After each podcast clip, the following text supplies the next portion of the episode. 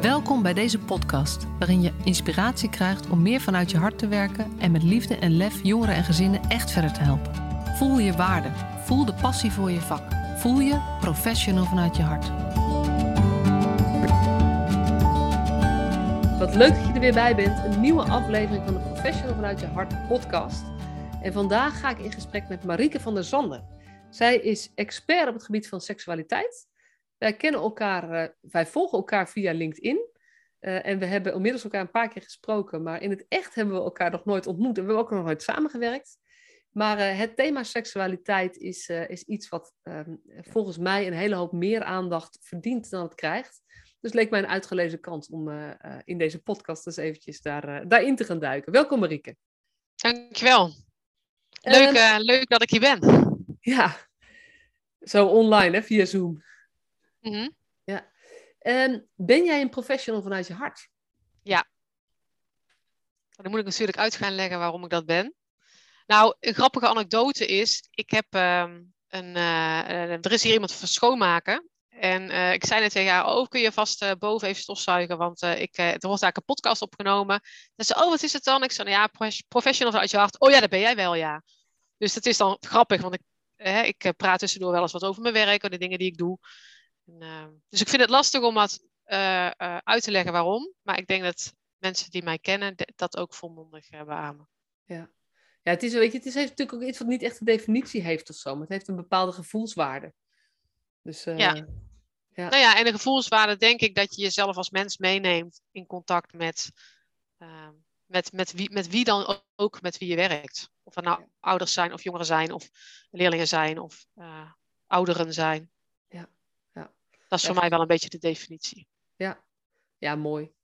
Hey, en um, ja, dat thema seksualiteit, hè, bij mij is uh, uh, de reden dat wij, dat wij nu contact hebben, was dat ik door uh, een paar afstudeerders gevraagd werd om mee te denken over een onderzoek wat zij deden, wat te maken had met seksuele begeleiding rond het thema seksualiteit op groepen.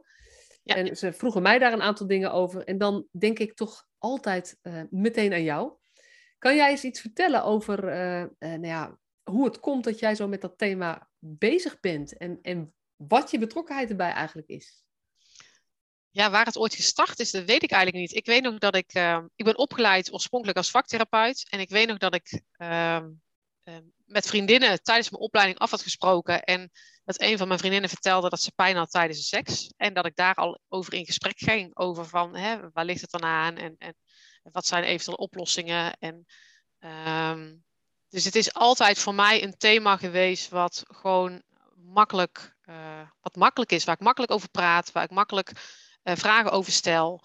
Uh, ook toen ik op de groep stond, vond ik voorlichting, want ik ben begonnen als, als pedagogisch medewerker, heel belangrijk dat er daar nou, goed met jongeren over gepraat werd. En niet alleen over alle ja, zogenaamd negatieve aspecten, maar juist ook over uh, positieve seksualiteit. Over hoe voelen dingen dan? Of hoe, hoe, hoe werken dingen dan? En welke, uh, wat kun je doen? Wat kun je niet doen? Wat, wat, maar vooral dat voelen van hoe voelt je lijf? En, en wat voelt van jou? En wat voelt prettig en wat voelt niet prettig? En uh, ik ben in de loop van de jaren heb ik ook verschillende ehm, trainingen gevolgd daarover. Onder andere bij Rutgers, uh, de Girlstak en de Make Move. Die zijn wel, uh, wel bekend, denk ik, in jeugdzorgland. Maar ook uh, uh, het vlaggensysteem is, is natuurlijk een bekend, uh, bekend iets. En wat, het, het, de, wat er een beetje gebeurt, vind ik, in, in jeugdzorgland. En het maakt niet uit in welke functie je zit, of in, als pedagogisch medewerker of als therapeut, is dat we het heel vaak hebben over die negatieve aspecten. Dat we heel vaak ehm, kijken naar dat grensoverschrijdende gedrag. En um, seksualiteit is een ontwikkeltaak hè, voor kinderen en voor jongeren. En, en zeker in de puberteit. En ik mis daarin dat we de puber zien. Dus ik, ik mis heel vaak dat we uh, gedrag eigenlijk al als problematisch uh, uh, zien. Terwijl ik denk, een kind is ook een puber en er hoort een ontwikkelingstaak bij. En om die scheiding te maken, wat hoort nou eigenlijk bij de, bij de fase waarin iemand zich bevindt?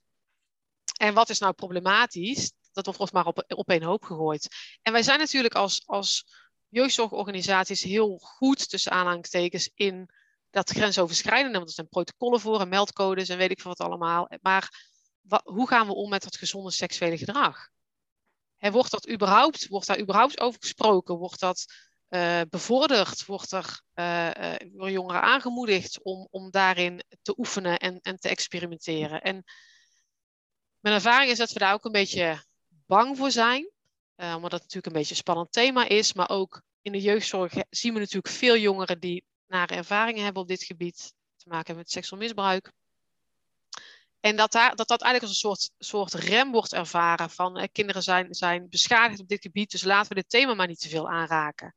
Terwijl ik denk, als jij als, als jongere jarenlang misbruikt bent op, op de kinderleeftijd en je wordt dadelijk 15 eh, of 16 en je wordt verliefd, zo'n kind heeft geen idee. heeft geen idee van gezonde seksualiteit en hoe, ga je, hoe gaat het dan met verkering en, met, en wat doe je dan als je verkering hebt en, en wat hoort er dan bij en, en hoe spreek je af? En weet je wel, ook op, op leefgroepen dat er dan gezegd wordt, nou ja, doe, doe maar niets. Ze heeft een vriendje, maar die mag niet op bezoek komen. Terwijl ik denk, haal die jongen nu maar hier. Weet je wel, laat ze maar in die groep zitten met elkaar en laat ze maar oefenen. Want dit kind, dit moet een, ze moet een gezond perspectief krijgen in plaats van alleen maar dat, dat ongezonde uh, grensoverschrijdende gedrag. Ja. ja, en ook, ik denk dan ook meteen aan uh, uh, het verbod op verkering. Ja weet je, dat ik ook altijd, dat, dat denk ik ook altijd van, ja, dit zijn de jongeren met wie je omgaat. Dus het hoort er gewoon bij of zo. En um, het ja, mag er niet zijn ergens. En het is ook gewoon een, een, een biologisch proces. En in, in de seksologie hanteren we altijd het biopsychosociale model. Hè? Want het is niet alleen biologisch, er zit ook een psychologische kant aan en een sociale kant aan. Um, maar je zegt ook niet tegen een jongere van nou oké, je komt bij ons op de groep en het is verboden om te groeien. Als je, je bent nu uh, eh, 1,68 meter en als je over, uh, weet ik veel, zes maanden of over een jaar de deur uitgaat, dan moet je nog steeds 1,68 meter zijn. Maar we verwachten wel dat als kinderen komen, dat die seksuele ontwikkeling een soort van onhold gaat. Of ze mogen daar in elk geval geen uiting aan geven. Ja, dat kan natuurlijk niet. Sterker nog, ik denk dat hoe meer je beknot en beperkt in wat, een, wat eigenlijk gezond, gezonde seksuele ontwikkeling is, hoe gekker kinderen uh, gaan doen. Ja. Nou ja, en hoe meer we ze eigenlijk overleveren aan onveilige situaties. We vergroten de onveiligheid doordat we het zo willen, uh, nou ja, doordat we ze voor ons gevoel zo willen beschermen of zo. Ja. Maar daardoor is dat experimenteergedrag niet niet bespreekbaar, niet in beeld. Maar is dat of ehm, eh, buiten de deur, of straks als ze weg zijn, uh, zonder dat we daar nog bij kunnen helpen. Van oké, maar, maar hoe werkt dat dan bij jou? Of wat is dan fijn voor jou? Ja, eens. En dat is ook wat ik, als ik bijvoorbeeld uh, mensen uit de jeugdzorg train, maar ook, ook docenten train in, in het vlaggensysteem. Maar goed, bij docenten is het anders. Hè? Als je op reguliere school werkt, die kinderen die gaan naar huis. En die hebben meestal gewoon een, een, een, een omgeving waar ze uh, wat meer privacy hebben. Um, de jongeren in de jeugdzorg, en zeker als ze, als ze uh, in de residentiële jeugdzorg zitten, die hebben veel minder privacy, hebben veel minder mogelijkheden om te experimenteren. Dus die hebben een vriendje en um, ja, die worden betrapt terwijl ze in de bosjes liggen. En dat is dan eigenlijk grensoverschrijdend gedrag, want de, de locatie is niet goed. Um, voor de mensen die het vlaggensysteem kennen, zit het dan in context, in, in criterium Misschien uh, even voor mensen die het niet weten, wat is het vlaggensysteem? Het vlaggensysteem is een uh, manier om seksueel gedrag van kinderen en jongeren te duiden. En het is vooral een manier om met elkaar in gesprek te gaan, om te kijken, is, het, is datgene wat we zien, is dat gezond uh, gedrag of is het grensoverschrijdend gedrag? Want op het moment dat, hè, dat je in een team werkt en je hebt met mensen te maken met uh, die uit een ander deel van Nederland komen of uit een ander deel van de wereld komen. Of, die uh, met verschillende geloven of verschillende culturen. Dan kunnen die visies op dat seksuele gedrag van een jongere of van een kind, die kunnen heel erg van elkaar afwijken. En dan kom je dus eigenlijk nooit tot een, een tot consensus, tot een, een, een gedeelde visie over of het grensoverschrijdend is of niet. Um, en dat is op basis van zes criteria. En um, het eerste criterium, ik ga ze dan maar gewoon even noemen, is toestemming. En toestemming wil zeggen uh, weten waar je mee instemt, uh, actief instemmen met het doel om er plezier aan te beleven. Dus die heeft eigenlijk drie, drie poten. Het tweede uh, criterium is vrijwilligheid. En dat betekent dat elke vorm van drang, dwang, druk, chantage, macht, manipulatie afwezig moet zijn. Het criterium 3 is gelijkwaardigheid. En dat betekent dat op heel veel facetten twee personen ehm, gelijkwaardig moeten zijn aan elkaar. Op basis van leeftijd, maar ook op basis van status. Hè? Dus, dus het pisbaaltje van de, op school en de, de, de informeel leider op school is ook op basis van status niet gelijkwaardig. Maar kan bijvoorbeeld ook op basis van problematiek zijn. Hè, een jongen met as en een meisje met borderline kan op basis van problematiek niet gelijkwaardig zijn. Dus je moet op verschillende uh, uh, dimensies eigenlijk kijken of die gelijkwaardigheid er is. Daarnaast heb je nog uh, levensadequaat. Past het gedrag bij, bij de leeftijd of bij de ontwikkeling van een, van een kind of van een jongere? Context. Is de, is de plaats oké? Is het niet storend of chockerend voor andere mensen? En de laatste is zelfrespect noemen we ook wel impact. En het gaat eigenlijk, wat is de impact um, op de jongeren? Is het, is het iets positiefs? Hè? Draagt het bij aan een gezonde ontwikkeling? Of is het op een of andere manier schadelijk? Zowel, dat kan lichamelijk zijn, maar kan ook uh, psychisch of sociaal zijn. Ja. En je hebt deze zes, deze zes uh, criteria. Uh, en dat breng je in kaart. En dan heb je ja. vier kleuren vlaggen volgens mij. Ja, ja, je hebt een, een, groene vlag en dat wil zeggen als alle uh, factoren oké zijn, dan zeg je het is een groene vlag. Het is hartstikke oké gedrag. En uh, daarnaast heb je een gele vlag en dat als iets, als, als, er twa, als, als iets net niet helemaal binnen de perken is, dan is het, dan is het geel. En ehm, wat dit is een, een, interessante categorie, omdat we, stel voor, je loopt met een kind in het zwembad en het kind kijkt onder het douchehokje van, een, uh, van iemand die daar staat om te kleden, kijkt het kind kijkt daaronder. Dat is niet oké, want het kind kijkt, bekijkt iemand, terwijl diegene is eigenlijk daar niks van weet en daar dus ook niks van heeft kunnen zeggen of ze dat wel of niet oké vinden. Uh, het is grensoverschrijdend gedrag. Maar het is ook eigenlijk normaal gedrag, want hoe leren kinderen? Kinderen leren door de grenzen op te zoeken. En op het moment dat, ik, uh, uh, dat jij tegen mij zegt dat ik iets niet mag, dan ga ik natuurlijk kijken, als ik het wel doe, wat dan de consequenties zijn. Dat, dat is hoe kinderen leren. Dus um, ja, strikt genomen is het grensoverschrijdend, maar het hoort bij de ontwikkeling. Dus wat je dan moet doen, is dat je uitleg moet geven waarom het niet oké okay is. Ja. En, en leeftijd is, maakt ook uit. Een leeftijd maakt ook uit. Als een ja, zevenjarige dit doet, of een achttienjarige. Ja. Terwijl als die achttienjarige uh, uh, een lichtverstandelijke beperking heeft, en eigenlijk functioneert op een leeftijd van, nou, nou dan, dan wordt hij weer ingewikkeld. Alleen waar het over gaat, uh, oh ja, nee, we maken de vlag even af. Nou ja, je hebt de rode vlag, en rode vlag is gewoon ernstig grensoverschrijdend gedrag. En zwart is echt fors uh, grensoverschrijdend gedrag. En daar zit alles met uh, tussen volwassenen en kinderen, seksueel misbruik, verkrachting, foto's doorsturen, beeldmateriaal doorsturen. Dat zit allemaal in, in zwart. Um, dit is een middel om in gesprek te gaan over uh, seksualiteit en over wel of niet grensoverschrijdend gedrag. Het is geen doel op zich. Die vlaggen is ook een middel. Want wat het allerbelangrijkste is natuurlijk, is om vervolgens te kijken en hoe ga je reageren. Want dat, dat, dat is het belangrijkste. Ja. Um, en waar wij binnen de jeugdzorg um, veel meer aandacht aan moeten besteden, zijn die groene en die, en die gele vlaggen groen is gewoon gezond gedrag. En kunnen, kunnen onze jongeren überhaupt groen gedrag laten zien? Of is het door gebrek aan privacy dat ze inderdaad uit moeten wijken naar die bosjes? En dan beschouwen we het meteen als grensoverschrijdend. Terwijl het eigenlijk, ja, de behoefte is gewoon heel erg normaal. En um, waar we heel erg voor uit moeten kijken is, en als je het goed uh, hanteert, dat vlaggensysteem, komt dat ook wel naar boven, is dat je het gedrag scheidt van de groepsregels. Dus op het moment dat de jongere seks heeft op zijn of haar kamer, dan kun je zeggen, ja, is grensoverschrijdend, want het mag niet op de groep, maar het gedrag is hartstikke gezond. Alleen de groepsregels, hè, we voldoen niet aan de groepsregels. En dan moet je het over die groepsregels gaan hebben. Ja, ja want dat, dat raakt me ook wel aan wat je zegt.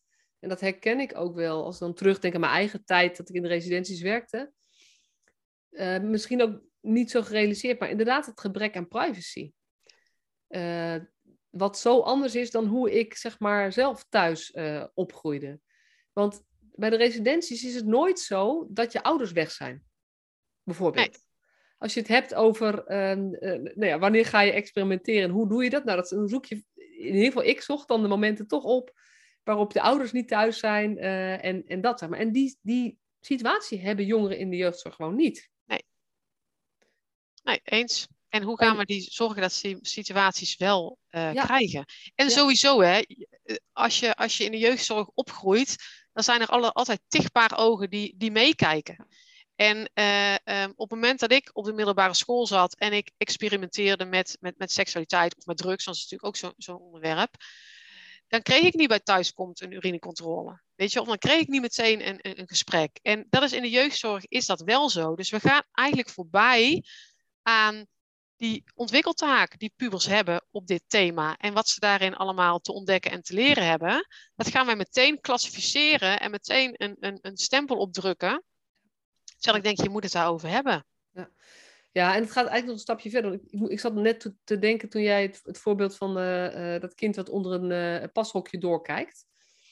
Um, de meeste kinderen die thuis wonen, hebben hun ouders wel eens bloot gezien of zien ze wel eens bloot. Of weet je, niet altijd de bedoeling, maar dat gebeurt wel eens. Er zijn natuurlijk ja. gezinnen waar dat helemaal niet is, maar heel veel gezinnen wel. Waardoor ook een soort van, je ook een soort beeld krijgt van, goh, hoe ziet een, een, een, nou ja, een volgroeid lichaam eruit? Een ontwikkeld lichaam. Ja. Terwijl kinderen die, die echt in de jeugdzorg opgroeien, hebben ook dat niet. Nee. Die zien geen ment, andere mensen bloot. En zodra eigenlijk de nieuwsgierigheid daarnaar, wat volgens mij ontzettend normaal is, maar dat weet jij, maar dat, dat, dat denk ik gewoon, maar dat is, is eigenlijk ook heel goed dat ze daar nieuwsgierig naar zijn. Ja. Daar, hebben, daar is geen ruimte voor en daar is ook eigenlijk geen aandacht voor. Nee. dat klopt. En daarnaast ook kinderen die thuis opgroeien, en dat geldt natuurlijk ook niet voor de kinderen, maar die zien ook allerlei uh, momenten van intimiteit. Weet je, en het kan zijn dat je vader en moeder elkaar een zoen geven voordat ze gaan werken. Of dat kan zijn dat ze, dat je, hè, dat, dat ze elkaar een keer knuffelen. Of dat er geknuffeld wordt met de kinderen op de bank. Daar, daar groei je normaal gesproken groei je daarmee op. En ook dat missen zij. Dus hoe ziet intimiteit er eigenlijk uit? En hoe moeten ze daar vorm aan geven? En hoe voel je wat je zelf uh, wil? En um, Elle Laan is een hele uh, bekende en belangrijke uh, seksuoloog in Nederland. Zij is helaas in januari van dit jaar overleden. Zij zegt altijd: uh, we kunnen mensen wel leren hoe ze nee moeten zeggen, maar hoe voelt dan een ja? Terwijl als je leert hoe een ja voelt, dan weet je dus ook wanneer het nee is. Ja. En we zijn zo gefocust op het, op het nee leren zeggen en daarbij ook nog de focus op meisjes. Ja. En jongens worden ook, ook een beetje vergeten. Terwijl ik denk, we moeten het veel meer hebben over over de ja en over het gezonde stuk. Ja, ja dat is ook met de. We hebben natuurlijk de. Ja, de Voice is uh, natuurlijk recent geweest, maar Me Too ook. Ja. Wat uh, natuurlijk heel erg goed is om de misstanden, want daar gaat het over machtsongelijkheid en uh, nou ja, heel veel andere dingen nog. En tegelijkertijd ehm, nadruk op dit stuk, dat dit echt niet meer mag, maakt ook dat gezond experimenteergedrag eng wordt. Ja. Denk ik. Ja, zeker voor jongens.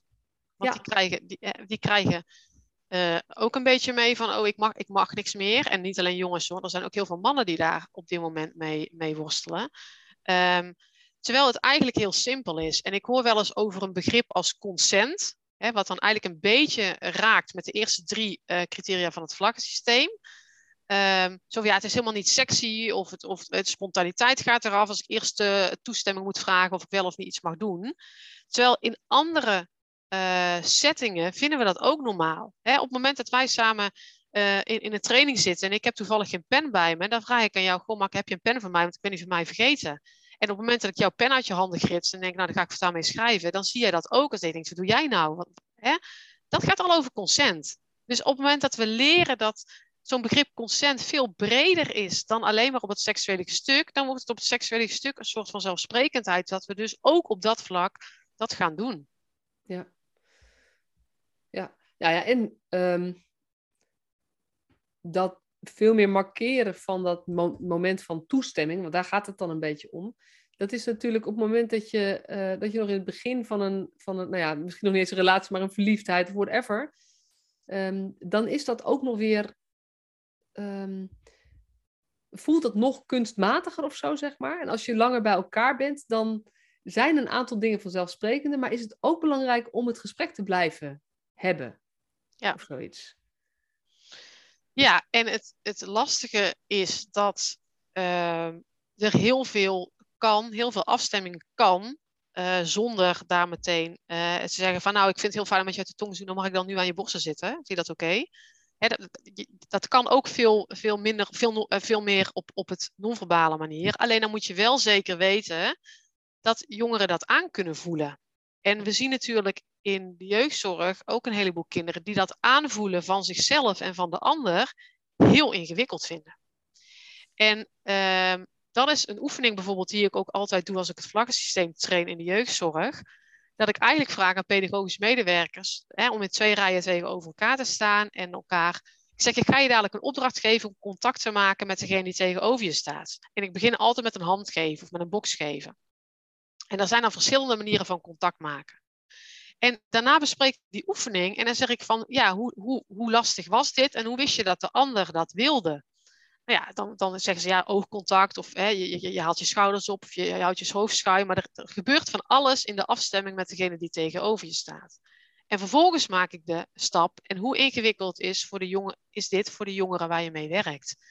En dan zien we dat Hè, bijvoorbeeld omdat er sprake is van onveilige hechting of omdat er sprake is van uh, asproblematiek, dat dat voor sommige jongeren al heel, heel ingewikkeld wordt. Ja. En dan hebben we het nog niet eens over seksualiteit en hormoonhuishouding en noem maar op. Maar alleen het, die, die, dat contact maken, maar ook het contact onderhouden en het contact weer afronden, dat zijn al ingewikkelde thema's. Ja. En tegelijkertijd verwachten we wel van jongeren op het gebied van seksualiteit dat ze dat dan allemaal maar kunnen. Terwijl we eigenlijk al weten dat ze in de dagelijkse praktijk met zoiets als contact maken al moeite hebben. Even voor de luisteraar, asproblematiek noem jij, noem jij een aantal keer. Dat gaat over stoorn, een stoornis. Ik, ik, wil wel af van het woord stoornissen, maar uh, die in het autistisch spectrum ja. zitten. En hoe ik dat dan tegenwoordig wel moet noemen, dat vind ik wel eens lastig. Maar in ieder geval uh, gaat het om, uh, om die jongeren, ja, die mensen. Precies. Want dat is natuurlijk, een, een, ja, als het gaat over grensoverschrijdend gedrag, ehm, een groep die daarin helaas ehm, vaak naar voren komt, is LVB, zeker in combinatie met uh, AS, met autische ja. spectrumstoornissen, uh, waarbij het zeker niet intentioneel zeg maar, gebruik maken van is. En da nee. dat is wat jij bedoelt. Ja. Dat op het moment dat er gezegd wordt, dit is grensoverschrijdend gedrag, hebben we het bijna over, hebben we het over een dader. Terwijl nee. in dit geval... Als je het vlaggensysteem juist hanteert, dan gaat het vlaggensysteem juist niet uit van dader-slachtoffer, maar eigenlijk van twee personen die allebei iets te leren hebben. En eh, bijvoorbeeld met zo'n, wat jij noemt van, uh, van zijn LVB'er, dan hebben misschien beide personen te leren dat ze dat, dat met de ander beter af hadden moeten stemmen. Ja. En daar gaat het natuurlijk ook heel vaak mis uh, met jongeren, dat die afstemming er niet is. Ja. Alleen, we leren jongeren niet hoe ze die afstemming dan vorm kunnen geven. En is hetzelfde als dat we jongeren, we hebben leren jongeren allemaal hoe ze een condoom om zo'n neppenis uh, moeten doen. Maar we leren ze niet hoe ze dan vervolgens dat gesprek met een vriendje of een vriendinnetje over veilig vrijen moeten voeren. En wat dan het goede moment is. Hè? Doe je dat pas als je je kleren al uit hebt? Of doe je dat al bij de eerste seizoen? En wat is nou het goede moment? En hoe pak je daar nou aan? En hoe reageer je nou op eventuele smoesjes die er gebruikt worden? Dus we leren kinderen heel vaak wel wat ze moeten doen, maar niet hoe.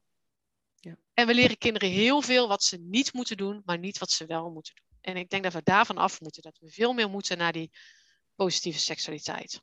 Ja, precies. Dat je, dat je beter leert te weten, te voelen ook wat je fijn vindt. Ja. In plaats van dat je weet wat je niet wil.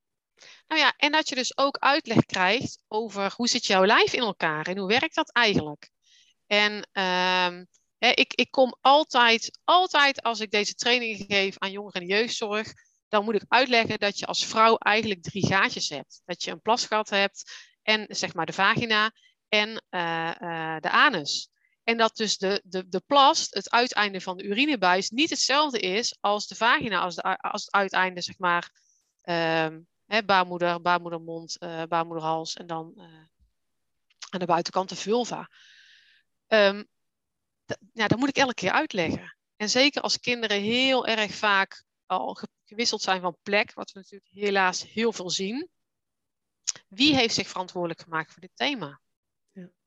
En ik zie zoveel meiden die dan menstrueren en dan naar de wc gaan en eerst een tampon uitdoen, omdat ze denken dat als ze die tampon nog in hebben, dat ze niet kunnen plassen, omdat het om hetzelfde gaatje gaat. ja, dan moet je, je moet het hebben over wat verandert er wat gebeurt er in je lijf, wat gebeurt er in de puberteit.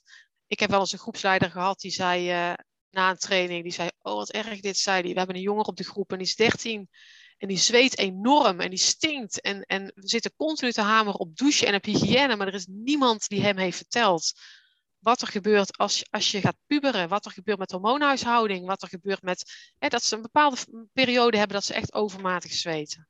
En dat gaat eigenlijk allemaal over gezond gedrag. En die stap slaan we vaak over, of we denken dat ze het weten, of dat iemand anders het gedaan heeft. Ja, de school moet het maar doen, en op school zeggen ze nee, de groep moet het maar doen. En ondertussen of ouders moeten het doen. Ja, of ouders moeten het doen.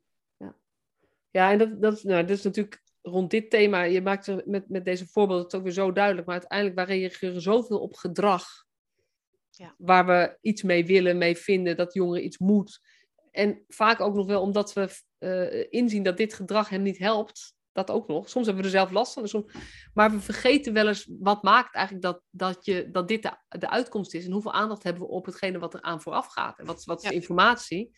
Of waar is soms um, uh, zeg maar, met zweten is gedrag geen oplossing. Maar heel veel gedrag is natuurlijk een oplossing, omdat je niet, een ander stuk niet weet hoe je ermee om moet gaan.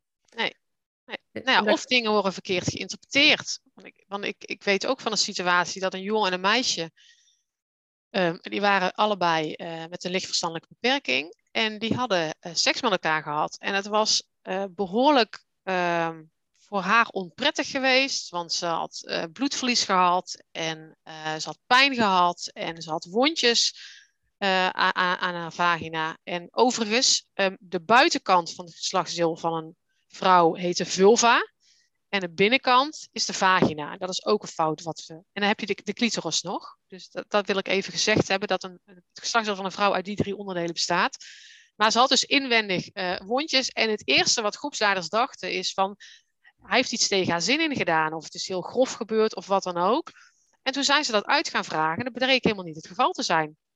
Die, die jongen en een meisje hadden verkering, en ze wilden allebei graag seks, ze hadden dat met elkaar afgestemd. Alleen het enige wat ze van seks wisten, is dat die penis in die vagina moest. En hoe dan en wat er dan eigenlijk voor nodig is, wisten ze niet. Dus die jongen had net zo lang lopen duwen totdat die, die, die penis daarin zat. Met dus dat het voor het meisje een hele onprettige ervaring was geweest. Omdat ze allebei eigenlijk geen idee hadden, um, ja, hoe, hoe kan het voor beide op een prettige manier? En wat is eigenlijk de bedoeling van seks? En seks is natuurlijk veel meer dan alleen die penetratieseks. Ja. en omdat we zo bang zijn dat dat gebeurt, ja dat is natuurlijk ook, het is, het is weet je, jij noemt even de, um, uh, de expliciete woorden voor het vrouwelijk geslachtsdeel, zeg maar. Dat doen we al niet. Nee. En uh, er is um, het taboe om hierover echt vrij te praten, is natuurlijk ook onder ons volwassenen nog steeds heel groot. Nou ja, en wat je net zei aan het begin, hè, van dat, dat we we zijn soms ook bang dat, dat als wij het over seks gaan hebben, dat jongeren in één keer eerder beginnen of meer gaan doen op dat gebied. Terwijl uit onderzoek blijkt het tegenovergestelde. Dat hoe meer kennis jongeren hebben over dit thema, en het gaat dus niet alleen over de biologische aspecten, maar juist ook over die psychologische en sociale aspecten, hoe verantwoorder zij keuzes maken en hoe, hoe, hoe later ze beginnen eigenlijk aan, aan het experimenteergedrag. En je kunt je voorstellen, als ik van niks weet, en ik heb een vriendje en het vriendje wil in één keer seks met mij. Dat, dat dingen me overrompelen en me overkomen. Terwijl als ik daarin meegenomen ben van uh, hoe dat dan werkt en, en, en uh, hoe een normale uh, seksuele carrière zeg maar, eruit ziet, hoe die normaal gesproken opgebouwd is, dan heb ik daar veel meer aan. En dan is de kans dat ik overrompeld word en dat dingen me overkomen die ik niet fijn vind, die is veel minder groot. Ja. Ja, en dan vind ik het ook heel mooi. Dat je hebt het dus niet over weerbaar maken van meisjes of jongens. Waar ik trouwens van de week een hele indrukwekkende post over las van, uh, van Ted van Stichting Praat. Ja, we hebben dezelfde post gezien. Ja, ja die, die zegt dat ook van, van uh, dat hele woord. Weet je, het gaat niet over weerbaar maken. Het, gaat, wel, het gaat, wel, het gaat wel over. Sorry dat je onderbreekt. Het gaat wel over weerbaar maken.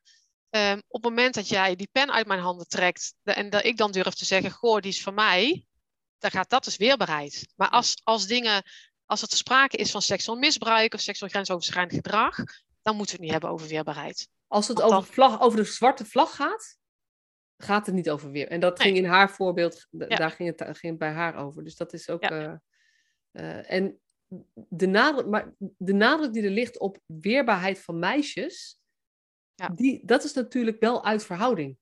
Ja, enorm. En, en, het, en het, het, het, het, het is natuurlijk ook een soort verkapte vorm van victim blaming. Want dan had zij iets anders moeten doen, terwijl het grensoverschrijdend gedrag ontstaat, omdat een ander besluit om over die grens te gaan. En helaas zijn dat meestal eh, jongens of mannen. Hè? Bedoel, het, vrouwen en meisjes eh, eh, ehm, laten ook grensoverschrijdend gedrag zien, maar de verhouding is wel enorm scheef. Ehm, iemand besluit om over jouw grens te gaan. En dat heeft niks te maken met wat je aan hebt, of, of hoe je je gedraagt, of dat je geen nee hebt gezegd, of wat dan ook. Want zeker bij die zwarte vlag doet dat eigenlijk allemaal niet ter zake. Precies, en daar zit een besluit, want ik, het woordje besluit, ik denk dat dat wel, wel ehm, het voorbeeld waar we net over hadden, eh, jongeren met bijvoorbeeld een 11B die dat allemaal niet zo goed weten hoe dat werkt, dat is geen besluit om over een grens te gaan. Maar dat is eigenlijk situaties van misbruik, ehm, eh, echt grote verschillen in gelijkwaardigheid, dus totale ongelijkwaardigheid. Dan is er iemand die besluit, ik ga dit nu met jou doen. Ja.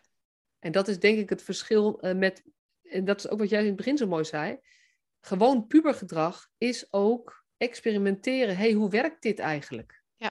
En dat is ook gewoon doen. En daar kan het ook eens een keer misgaan. Ja. En dat is niet meteen, ehm, eh, dat, dat is dan wel een grensoverschrijding, maar dat is niet meteen een zwarte vlag. Ook als het mis is gegaan.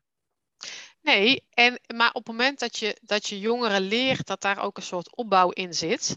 Hè, jongeren beginnen gewoon op een bepaalde leeftijd, meestal begin middelbare school, met experimenteren met tongzoenen. En op een gegeven moment gaan ze naar voelen boven de kleding en voelen onder de kleding. En de volgende stap is dat het meer richting aftrekken vingeren gaat. En daarna ga je richting een beetje naaktvrije, maar zonder geslachtsgemeenschap nog. Uh, en dan volgen eigenlijk vrij snel orale seks en, en geslachtsgemeenschap. Dat is eigenlijk zeg maar een, een uh, gezonde uh, opbouw van de seksuele ontwikkeling. En we zien dan ook dat tussen die eerste tongzoen en de eerste keer geslachtsgemeenschap, daar zit meestal een jaar of twee tussen. Hè. Als jongeren gezond opgroeien zonder hechtingsproblemen, dan gaan ze eigenlijk stap voor stap die, die carrière door. Dus op het moment dat je dan met een jongen of een meisje aan het zoenen bent en die probeert, hè, die voelt op jouw lijf en je maakt een, een afwijzende beweging, nou, dan is dat dus dat experimenteren. Maar dat is niet meteen een verkrachting. Alleen op het moment dat zo'n jongen dan of een meisje dan die signalen niet goed weet te interpreteren en uh, van, van, het gaat van kwaad tot erger, ja, dan, dan kan het wel zo. Maar daar moeten we het dus met elkaar over hebben. Ja. En we moeten het inderdaad over de jongens hebben.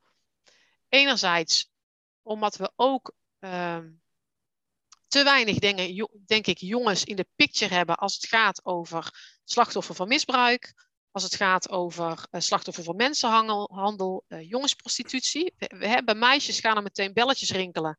En bij jongens is dat echt, echt nog een blinde vlek. Maar ook over um, hoe gaan we om met, met normen en waarden. En, en krijgen die jongens hetzelfde beeld mee van seksualiteit als die meiden. Of, hè, of mogen de jongens maar vooral experimenteren en moeten de meisjes vooral voorzichtig doen. En daar zit denk ik ook heel veel uh, ja. waar we het over moeten hebben ja. met elkaar. Ja, ja, en dat erover moeten hebben, dan kom ik even terug bij, bij wat ik denk. Het taboe om het er met elkaar over te hebben is gewoon echt toch heel erg groot. Ja. En hoe kan je jongeren goed begeleiden als je niet zelf um, uh, redelijk vrij over seksualiteit kunt praten? Ja.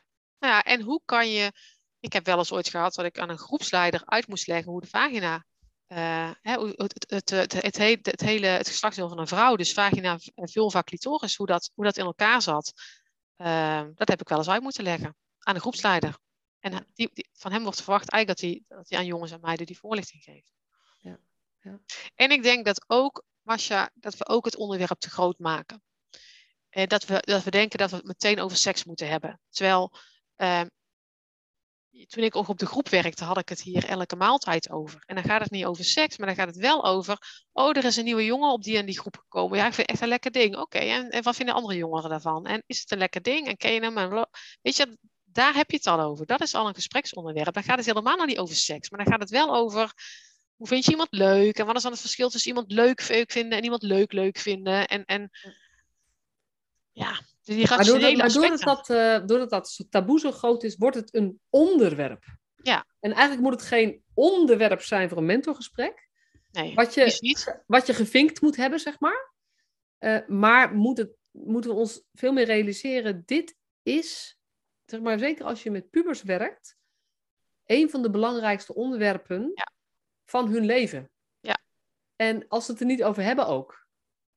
Dus dat is, dat is gewoon belangrijk om te weten. En, en Want ze hebben het erover. Alleen misschien niet met jou, maar wel met elkaar. Ja, ja, precies. Dus, en, en dan is eigenlijk de vraag, eh, en dat is wel grappig, want dat is een beetje een parallel met eh, dat professional vanuit je hart. Wat ik natuurlijk altijd zeg, van je kan een ander pas bereiken als je ook je eigen hart openstelt.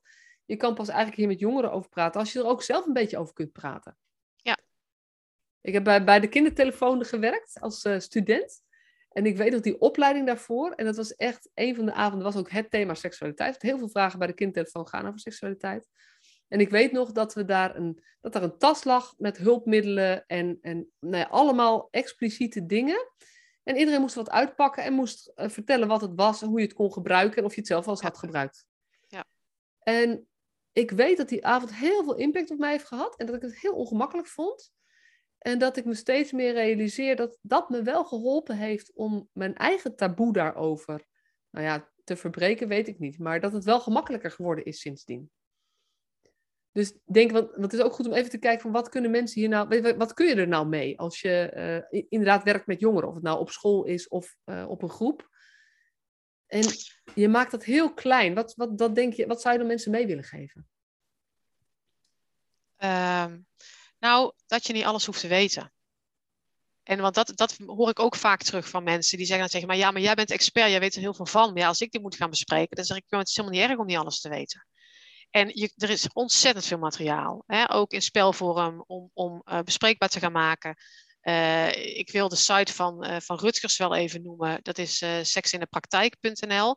Dat is gewoon voor zorgprofessionals. En er staat ontzettend veel informatie op. eh, wat er allemaal is op dit gebied. Wat je, wat je eh, eh, allemaal kan, kunt gebruiken. uitleg over het vlaggensysteem. uitleg om het gesprek te starten hierover. Maar het is ook helemaal niet erg als een jongere een vraag aan jou stelt. Van, goh, en, dat je, en je weet het niet. Dan zeg je gewoon, wat een goede vraag, Masha. Dat weet ik eigenlijk niet. Ga ik voor je opzoeken, kom ik bij je op terug. Of zullen we het samen opzoeken? Dat zou eigenlijk mijn. In het kader van hè, de zelfredzaamheid van jongeren is dat natuurlijk het beste. Want jij bent op een gegeven moment uit het leven. En dan Ja. weet zo'n kind van, eh, nou ja, dit is, eh, dit is een goede site om informatie op te zoeken of niet. ja. heb, want heb je ook een tip voor waar, eh, waar je jongeren naar kunt verwijzen? Ja. Wat goede sites voor jongeren? Ja, sense.info. Sens.info? Ja, S-E-N, S-E.info. ja, ja. Nou, precies. Ik zal ze in de, dat heet show notes, zoals je het bij een, eh, bij een podcast eh, zegt, zal ik dat ook eh, zetten. Ja. Ehm, en je hebt, noemde tussendoor ook even Girls Talk en Make a Move. Ja. Want dat zijn trainingsprogramma's. Wil je daar nog iets over vertellen? Ja, dat zijn trainingsprogramma's voor. ehm, hè, de girl, het, is, het is wel in jongens- en meisjesgroepen ingedeeld in het kader van de herkenbaarheid en de, de, de erkenning bij elkaar. Eh, het zijn programma's van acht keer anderhalf uur, ehm, waarin eh, eigenlijk aandacht besteed wordt aan de gezonde seksuele ontwikkeling, maar ook het, het voorkomen van grensoverschrijdend gedrag en onbedoelde zwangerschap en, en SOA. En eh, het is een programma eh, wat je als, als docent of als groepsleider kunt, kunt geven aan, aan de jongeren waar je mee werkt. Het is preventief bedoeld en we zien dat het in de praktijk soms ook wel gebruikt wordt dat als er iets aan gebeurd is, dat kinderen dan naar zo'n programma, zo'n programma aangeboden krijgen. Maar in principe kan elke, elke puber kan, heeft baat bij zo'n eh, bij zo'n programma. En er zit een opbouw in en het gaat eerst over veiligheid, want je moet natuurlijk wel eh, veiligheidsafspraken maken met elkaar, maar ook over, over jongens en over meisjes. En dan ga je beginnen naar verkering. En, en wanneer is verkering niet leuk meer? Je gaat het hebben over veilig vrijen. Eh, je gaat het hebben als je, hoe herken je dat nou bij wat de ander wel of niet wil? Wat als je over de grens gaat? Maar ook, de afsluiting is altijd, hoe zie je de toekomst? Dus het is een, een, en daar wordt dus wel, weet je wel, we gaan oefenen om een condoom om te doen, maar we gaan ook oefenen in, hoe maak je dat gesprek nou eh, bespreekbaar. We gaan bijvoorbeeld oefenen in hoe kun je nou stevig staan en zo kun je nou zorgen dat de boodschap die je verbaal overbrengt, dat die congruent is met de, met de boodschap die je zeg maar lichamelijk overbrengt. En op het moment dat dat niet met elkaar in overeenstemming is, komt je boodschap dus minder helder over. Nou, dat soort oefeningen zitten erin. Het zijn programma's die ontwikkeld zijn uh, door Rutgers. En je kunt bij Rutgers een tweedaagse uh, volgen en dan ben je twee dagen ben je opgeleid om met die training aan de slag te gaan. Je krijgt een map en ja, dan kun je aan de slag met je doelgroep. Wat vind jij daar nou, ehm, weet je, als, we, hebben, we hebben het voor kinderen die in de jeugdzorg opgroeien, maar je noemt ook steeds al onderwijs, zeg maar. En je hebt ook nog ouders, ook, of netwerk, ook als kinderen niet thuis wonen. Heb jij daar een visie op wie, um, wie er met deze kinderen zeg maar op in zou, over zou moeten hebben? Ja, allemaal. Dus zowel de docent als, als de begeleiders als de ouders. En dat is natuurlijk de, de, de, de ideale situatie. maar ik denk dat je wel met elkaar moet gaan kijken van is het, is het ooit überhaupt met dit kind gesproken hierover? En wie, en wie gaat dat doen? En het kan beter door twee partijen gedaan worden dan dat het helemaal niet uh, gebeurt. En ik denk dat de nuance ook mooi kan zijn. Dat, ze van ouders weer andere dingen meekrijgen als van, van, van, uh, van docenten. En dat gesprek met ouders is soms best wel lastig, omdat ouders ook denken, ja, als we het hier gaan over hebben, dan moedig ik mijn kind aan om hè, te gaan experimenteren met het seksuele gedrag. Dus het is denk ik altijd goed om tegen ouders te zeggen dat dat dus niet zo blijkt uit onderzoek, keer op keer niet, zeg maar. Ehm, maar soms ontstaat daar ook weerstand dat ouders eigenlijk vinden dat het nog niet besproken moet worden. En probeer dan boven de materie uit te stijgen. En probeer dan kijken wat, wat, hè, wat zou je je zoon of je dochter eigenlijk gunnen op dit gebied. En ik denk dat iedere ouder, maar ook ieder professional zijn kind haar kind gunt, dat ze op een veilige manier kunnen experimenteren met dit thema. En dat ze een, een gezonde seksuele ontwikkeling doormaken zonder uh, allerlei narigheid. Ehm, zodat ze ook wat dit betreft opgroeien tot een, een, een, gezonde, stabiele volwassene. En als je elkaar daar kunt vinden, dan kun je vervolgens met elkaar over hebben en hoe gaan we dat dan doen en, en wie heeft welke rol. Terwijl als je het gaat hebben van ja, wij gaan dit doen aan seksuele voorlichting en ouders zeggen dat vinden we helemaal niet oké, want in, in, in, wij, wij, praten daar niet over, ja, dan, dan kom je tegenover elkaar te staan. Terwijl ik denk als je gaat kijken wat je een kind gunt, daar, daar vind je elkaar. En dan kun je elkaar ook vast wel vinden in de, in de hoe. En heb je ervaring met of, of ervaringen teruggekregen ook? Want je hebt natuurlijk wel een groep. Uh, je hebt ouders voor wie het ongemakkelijk is, maar je hebt ook een groep die op religieuze of andere motieven daar striktere normen in heeft dan wij in Nederland gewend zijn. En ook strikter dan zoals jij het nu hebt, zeg maar, waarbij experimenteergedrag niet kan. Ja. Kan, kan je er iets over zeggen? Nou, um, ga altijd met mensen in gesprek. Omdat we soms ook geneigd zijn om uh, een, een andere culturele afkomst of een bepaald geloof ook weer allemaal op één hoop te gooien. Ja, nee, maar die is, uh, die is hartstikke christelijk. Dus dat ik denk ook in, binnen een geloof en binnen een bepaalde cultuur zijn ontzettend veel verschillen. Dus ga in gesprek en ga kijken wat, uh, hoe, het, hoe het bij die mensen gaat en wat zij vinden. En, en, uh, en, en ja, wat ik al net al zei, probeer elkaar te vinden op wat ze een kind zouden gunnen. En wat ik ook vaak zie is dat uh, als mensen, als ouders uit een andere cultuur komen of uit een ander, uh, uit een bepaald geloof of vanuit hun eigen verleden daar, die hebben we natuurlijk ook vraagtekens bij hebben, is dat ze ook wel dingen kunnen benoemen die ze niet oké vinden aan, aan hoe het bij hun is gegaan. Weet je wel? Dus dat bijvoorbeeld hè, een, een, een, een moeder uh, zegt uit. Ik heb wel eens ooit een, een, een, groepsleider gehad die zei: Ja, ik was op een gegeven moment werd ik ongesteld en dan wist mijn moeder en er werd er een pak maandverband zeg maar, uh, mijn kamer ingegooid en dat was het dan. Ja, dat ga ik zelf echt wel anders doen.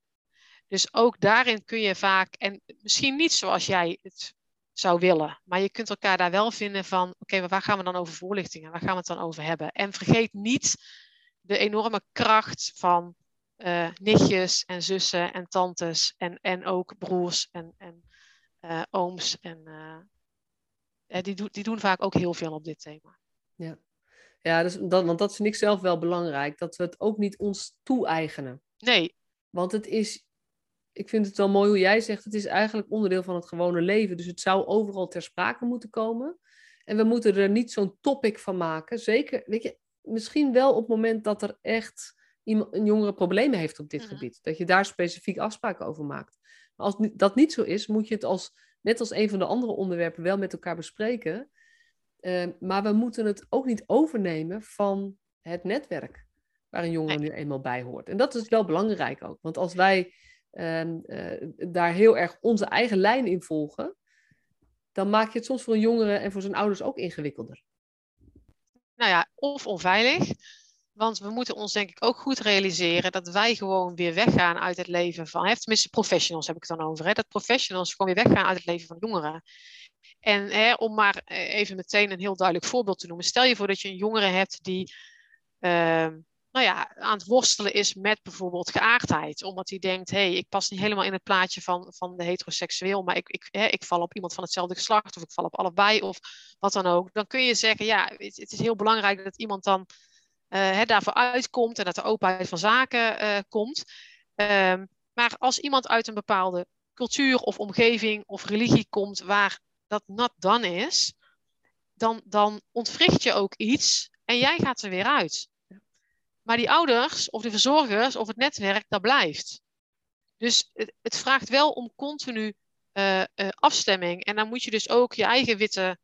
Hè, ik moet dan mijn eigen witte, uh, vrouwelijke, heteroseksuele, cisgender bril af gaan zetten. En ik moet gaan kijken, wat heeft dit kind nu nodig? En niet alleen nu, maar ook morgen en overmorgen en over een jaar.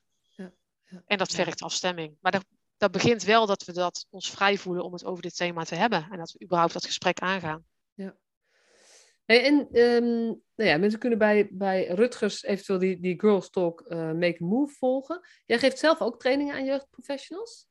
Ja. Deze onder andere. Ja. Uh, maar waar, uh, dat vind ik ook altijd leuk om eventjes te vertellen. Waar kunnen, zeg maar, stel dat iemand luistert en zegt van ik vind dit thema echt interessant. Bij mijn organisatie is er eigenlijk best weinig aandacht voor. Waar, waar kunnen ze jou voor bellen of voor contacten? Ja, eigenlijk alles wat met dit thema te maken heeft. Dus dat gaat over uh, uh, hè, van seksuele gezondheid uh, tot seksueel misbruik, tot vlaggensysteem, tot ehm, nou ja, st straatintimidatie, wisselende of gendernormen, victim blaming. Ehm, dat, dat, mag allemaal. Ja. En je geeft trainingen of doe je, zeg maar, ben je ook bezig met, met beleid binnen organisaties? Ja, ik heb dat bij mijn vorige werkgever. Eigenlijk zat ik, ik ben een opleiding tot consulent seksuele gezondheid. En dan heeft eigenlijk drie aspecten. Dus het gaat en om een counseling, dus het is zeg maar het één op één contact met, met, met een, een, doelgroep. In, in ons geval nu jongeren, maar dat zou bij wijze van spreken een ieder kunnen zijn. Uh, het tweede aspect gaat over uh, preventie en voorlichting en, en deskundigheidsbevordering. En het derde aspect gaat veel meer over interventies en onderzoek en beleid. Dus dat zijn eigenlijk alle drie uh, de aspecten. En uh, ja, het, het, we hebben het er in het voorgesprek natuurlijk al even over gehad. Het mooiste zou zijn dat het aan allebei de kanten uh, meewerkt. Dus dat het en zeg maar uh, bij de professionals op de werkvloer, uh, dat die het een belangrijk thema vinden en het gaan bespreken gaan maken, of bespreekbaar gaan maken. Maar ook dat een organisatie zegt van hé, hey, dit is echt een beetje een, een, een, een, een ja, een blinde vlek of, of iets wat ontbreekt in onze organisatie. Dus we moeten daar ook beleid op zetten. En jij hebt en ook ervaring mee, hè? In de, uh, bij de Hoenelo groep ben jij daarmee ja. bezig geweest om ja. dat uh, vorm te geven. Ja, ja en, en uh, mijn ervaringen daar waren echt... We, we zijn toen eigenlijk begonnen met het uitrollen van, van het vlaggensysteem. Ook omdat dat een van de aanbevelingen is van het kwaliteitskamer, kwaliteitskader voorkomen seksueel misbruik. maar dat leverde ook weer heel veel andere input op. Dat mensen echt anders naar het thema seksualiteit gingen kijken. En echt anders gingen kijken naar de de rol die het hè, in het leven van een kind heeft. We denken soms het is bijzaak en als alles goed gaat, het gaat met de behandeling goed van een kind en het, de groep is rustig, nou dan gaan we het over seksuele voorlichting hebben. Terwijl het is vaak voor heel veel jongeren gewoon onderliggend probleem, onderliggende problematiek. En ik heb meer dan eens gehad, toen ik nog als therapeut werkte, dat een jongere binnenkomt met allerlei gedragsproblematiek. En dat uiteindelijk aan het eind van het liedje blijkt dat het kind gewoon op, op jonge leeftijd seksueel misbruikt. En dat al dat, dat, dat, dat gedrag daaruit voortkomt. Maar als niemand die vraag aan zo'n kind stelt, van goh, hè, is er ooit iets vervelends met je gebeurd op dit gebied? En dan kom je daar dus ook niet achter. En dan heb je zelfs de kans dat je continu aan symptoombestrijding aan het doen bent, in plaats van dat je het hebt hè, waar het echt over gaat. Ja. ja. Nou, we hebben het uh, volgeluld. Ja, ja en, er is, en er is tegelijkertijd nog veel meer over te vertellen, maar is er iets waarvan je denkt, ja, dit wil ik nog echt meegeven of uh, uh, delen? Misschien een hele uh, nadenkende blik. Ja, eigenlijk heb ik dat al genoemd. Ik denk dat er A, veel meer over dit thema gesproken moet worden, überhaupt. En B, dat we ook veel meer moeten hebben over het gezonde stuk. En niet alleen maar met elkaar in gesprek moeten op het moment dat er sprake is van grensoverschrijdend gedrag. Maar juist hoe faciliteren we onze kinderen en onze jongeren uh, in dat gezonde stuk. Want daar hebben ze echt vaak nog heel veel in te leren. En jij noemde het eerder al, hè, kinderen die thuis wonen, die krijgen zoveel eigenlijk uh, stapsgewijs mee in hoe ziet nou zo'n mannenlichaam of een vrouwenlichaam eruit? Hoe ziet intimiteit eruit? Hoe, wat krijg ik mee van de relaties die ik in mijn omgeving zie? En al dat soort facetten missen, missen onze jongeren. En daar moeten we echt oog voor hebben. Dankjewel.